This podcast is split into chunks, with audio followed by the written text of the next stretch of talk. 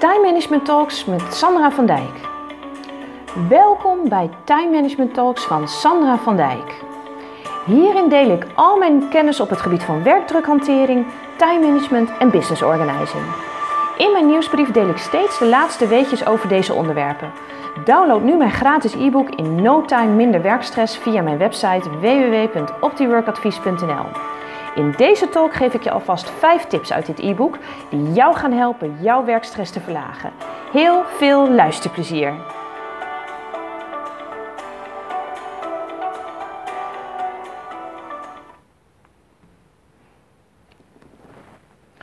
Met een beetje spanning in je lijf is niets mis.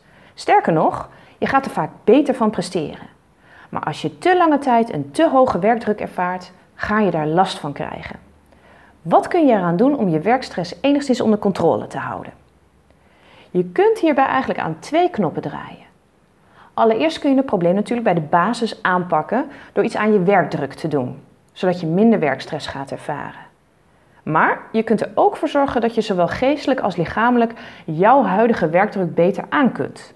Dan werk je aan je belastbaarheid. Hierbij een aantal tips. Ik geef er vijf in totaal. In mijn e-book in No Time Minder Werkstress staan 25 praktische tips. De eerste tip. Vraag jezelf eens af: does it make any sense? Niemand is alle werkuren alleen maar met briljante, relevante dingen bezig. Misschien ken je het Pareto-principe wel. Deze stelt dat wij slechts in 20% van onze tijd 80% van onze resultaten behalen. Als je het te druk hebt, is het goed om eens na te gaan waar je nou eigenlijk zo druk mee bent. Zet het eens op een rijtje, schrijf het eens op in een eh, schrift en wees dan eens eerlijk naar jezelf toe. Voegen die werkzaamheden echt wat toe aan jouw beoogde doelen. Durf toe te geven dat ook jij dingen doet die er niet te doen en probeer die te schrappen of op zijn minst minder vaak of minder lang te doen. Dat lucht op. Tip 2. Gebruik je systemen optimaal. Overzicht geeft rust in je hoofd. En technische systemen die kunnen je daarbij helpen. En het, mooiste zal zijn dat, als je, dat je ze zo gebruikt dat zij voor je gaan denken. Dat zal ik eventjes uitleggen aan de hand van een voorbeeld. Met mijn cursisten ga ik altijd met de inbox aan de slag en zorg ik ervoor dat alle to-do's uit die inbox uh, gefilterd worden en in de agenda weggezet worden. Hierdoor kunnen ze um, die mailtjes loslaten, hoeven ze niet meer bang te zijn dat er in die inbox nog ergens to-do's slingeren waar mensen nog wat mee moeten. Um, doordat je die mailtjes in de inbox uh, wegzet, uh, poppen ze vanzelf alweer op op de bewuste dag uh, dat je ze hebt ingepland. Wil je meer overzicht aanbrengen in je projecten? Voor projectmatig werken, in, bijvoorbeeld in Teams, lenen uh, systemen als OneNote, Evernote en Trello zich prima. De meeste organisaties werken ook met eigen systemen. En het valt mij op dat de mensen die ik train zich vaak niet zo senang voelen bij het gebruik van dit soort systemen. Ze hebben ooit wel eens een keer een gezamenlijke training gehad en ja, vervolgens wordt er dan van hen verwacht dat ze er zelfstandig mee kunnen werken. Nou, zo eenvoudig past ons brein zich echter niet aan. Het kost tijd en energie om nieuwe vaardigheden aan te leren. Als dit niet goed begeleid wordt, vervallen mensen gewoon weer heel snel in oude patronen. Heb jij misschien ook moeite om met jouw systeem te werken?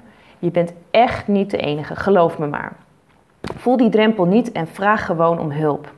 Waarschijnlijk bewijs je je collega's je juist een dienst mee, zodat zij zich ook kunnen aanmelden voor die nieuwe opfriscursus. En je organisatie heeft er echt alleen maar baat bij als jij hun systemen goed gebruikt. De derde tip. Vier je successen. We denken vaak dat het niet nodig is om onszelf in het zonnetje te zetten, maar juist door successen te vieren worden gelukshormonen aangemaakt. Deze gelukshormonen zijn super belangrijk, want ze motiveren ons om nieuwe uitdagingen aan te gaan en meer uit onszelf te halen. Successen vieren vergroot het zelfvertrouwen en geven onze hersenen een bevestiging dat we met het juiste bezig zijn. Uh, en zodat we ook weer een volgende keer besluit, uh, besluitvaardiger zijn op dat vlak. Ah, hoe kun je nou het beste successen vieren? Dat verschilt natuurlijk per persoon. Het kan het beluisteren van een mooi muziekstuk zijn bijvoorbeeld, een, een wandelingetje buiten of trakteer jezelf eens op iets lekkers. Het gaat erom dat jij er blij van wordt en er waarde aan hecht. De vierde tip. Stop met multitasken.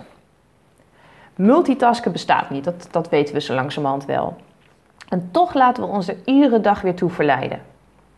Nou, in een groepssessie um, samen met een collega hebben wij laatst een praktische oefening gedaan. Waarbij de groep eerst mocht singletasken en vervolgens multitasken. En wat bleek nou? Alle deelnemers werkten bij het multitasken trager, feitelijk twee keer zo traag zelfs, klaagden over minder energie en constateerden dat zij meer fouten hadden gemaakt. Grootste boosdoeners zijn wat dat betreft onze telefoon en onze mail. Wil je gefocust werken? Zet je telefoon op stil en je e-mailnotificatie uit. Tip 5. Start met je doelen, niet met je mail. Vrijwel iedereen start de dag met het openen van de mail. En vrijwel iedereen ervaart vervolgens dat door dit openen van de mail de dag juist weer anders verloopt dan vooraf bedacht. Begrijp me niet verkeerd, hè? ik snap heel goed dat het belangrijk is om je mail te openen. De vraag is alleen of je dit meteen first thing in the morning moet doen. Wanneer jouw functie het toelaat, adviseer ik je om de mail het eerste uur even te laten voor wat het is en gewoon te beginnen met hetgeen je van plan was te doen. Dit helpt je te focussen en vergroot de kans dat je een succesmomentje ervaart die dag. Nou, dit was alweer het einde van deze Time Management Talk. Abonneer je op mijn podcast zodat je zeker weet dat je op de hoogte blijft van de laatste time management tips en trucs. Download ook mijn e-book in No Time Minder Werkstress via mijn website www.optiworkadvies.nl. In de volgende aflevering ga ik het hebben over de vijf grootste vergaderkillers. Tot dan!